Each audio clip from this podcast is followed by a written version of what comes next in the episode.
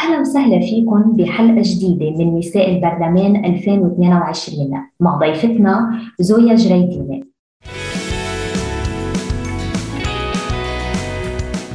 كيف بتحبي تعرفي عن نفسك للناخبات والناخبين؟ أنا مناضلة نسوية من عشرات السنين. كنا عم نسعى على طول لتحقيق المساواة بين النساء والرجال لأنه نحن عم نعيش بمجتمع ذكوري. بيقمع السيدات وما بيعطيهم مواطنيتهم الكاملة بكل المستويات خاصة على صعيد الأسرة. حضرتك مرشحة عن دائرة علي ومن ضمن لائحة توحدنا للتغيير. ما هي القضايا اللي عم تطرحيها بمشروعك الانتخابي؟ بشكل أساسي مثل كل يعني ما صار مبين واضح أنه كل الناس هلأ عم تعيش طبعا بأزمة معيشية حادة جدا. فبعتقد أنه الأولويات لازم تكون بالمرحلة الأولى على تأمين الصحة والغذاء والسكن والتعليم. هودي قضايا أساسية مفروض بفتكر كل اللي عم بيطمحوا للتغيير بهذا النظام يشتغلوا عليها. وأنا كوني مرشحة يعني من خلفية نسوية بعتبر أنه قضايا النساء لازم تكون أولوية كمان لدى كل المرشحات والمرشحين. طبعا في برنامج من عدة نقاط يعني أنا حاطتهم ببرنامجي الانتخابي. على رأسها آه، موضوع آه، قانون الأحوال الشخصية الموحد.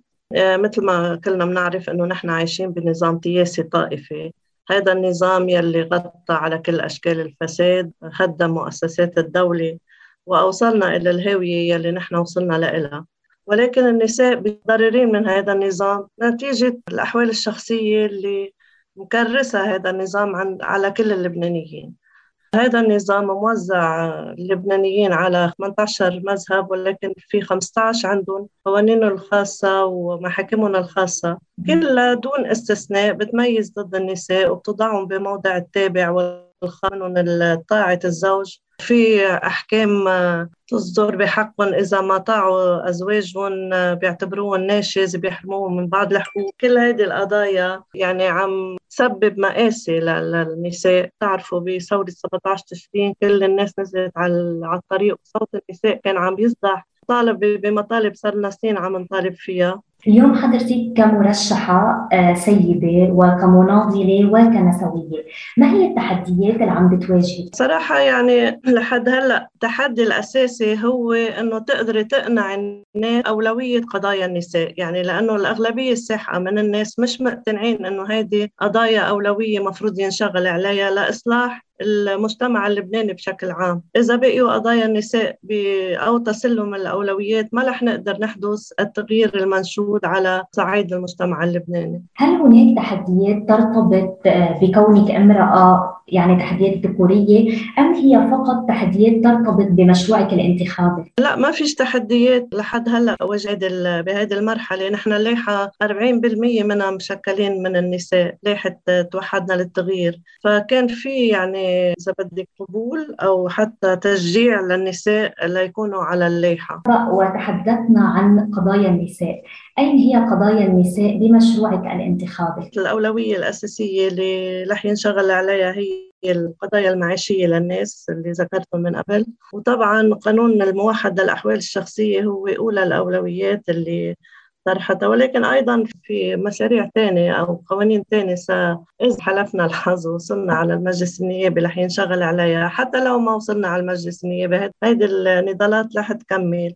لإقرار مثلا واحد من القوانين اللي حطينا بسلم أولويتنا كمان. إقرار قانون شامل لمناهضة كل أشكال العنف اللي بيتعرضوا له النساء والفتيات.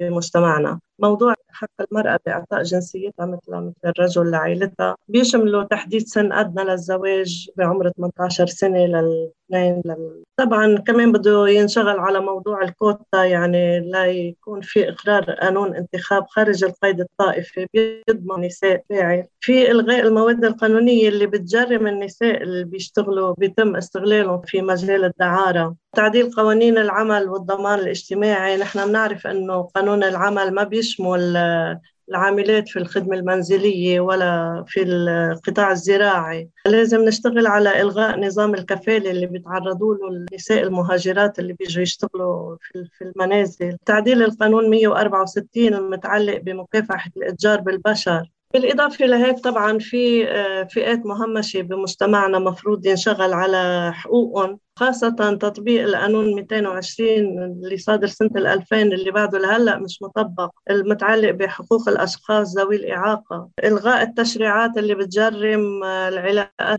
ومغيري ومغيرات الهوية الجنسية حماية كبار السن إقرار قانون ضمان الشيخوخة. وغيره من القضايا الجزئية. بناء على تجربتك الطويلة بالنضال شاركينا حادثة أو موقف ذكوري تعرضت له خلال عملك السياسي. بشكل شخصي ما يعني ما تعرضت كثير ولكن طبعا التجربة اللي كنا عم نخوضها لإقرار قانون حماية النساء من العنف الأسري كان في هجمة شرسة جدا يعني من من بعض الذكوريين بمجتمعنا وخاصة بعض رجال الدين اللي اعتبروا أنه عم نمس بقواعد أسرية أو بشؤون الأسرة اللي هن يكونوا القيمين عليها وما عم ما بيخلوا حدا من القطاع العام أو من النظام العام يتدخل بهذه مجالات الأسرة. فكان في حملة شعواء وشنت علينا بوقتها. اعتبرونا أنه عم نهدم العائلة وعم نستورد أفكار أجنبية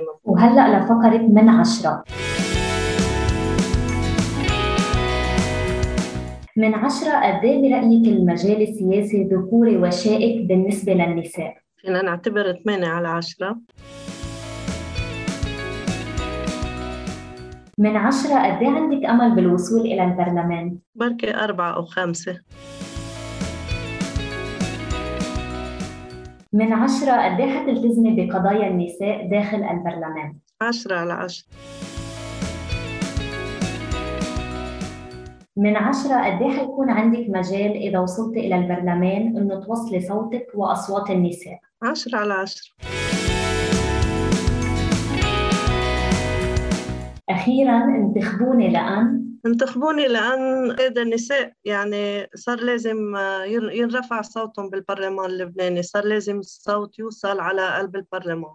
لهون نوصل لختام حلقتنا من بودكاست نساء البرلمان 2022 شكرا لك زويا جريديني لمشاركتك معنا على أمل أنه تقدري توصلي وتحققي مشروعك الانتخابي.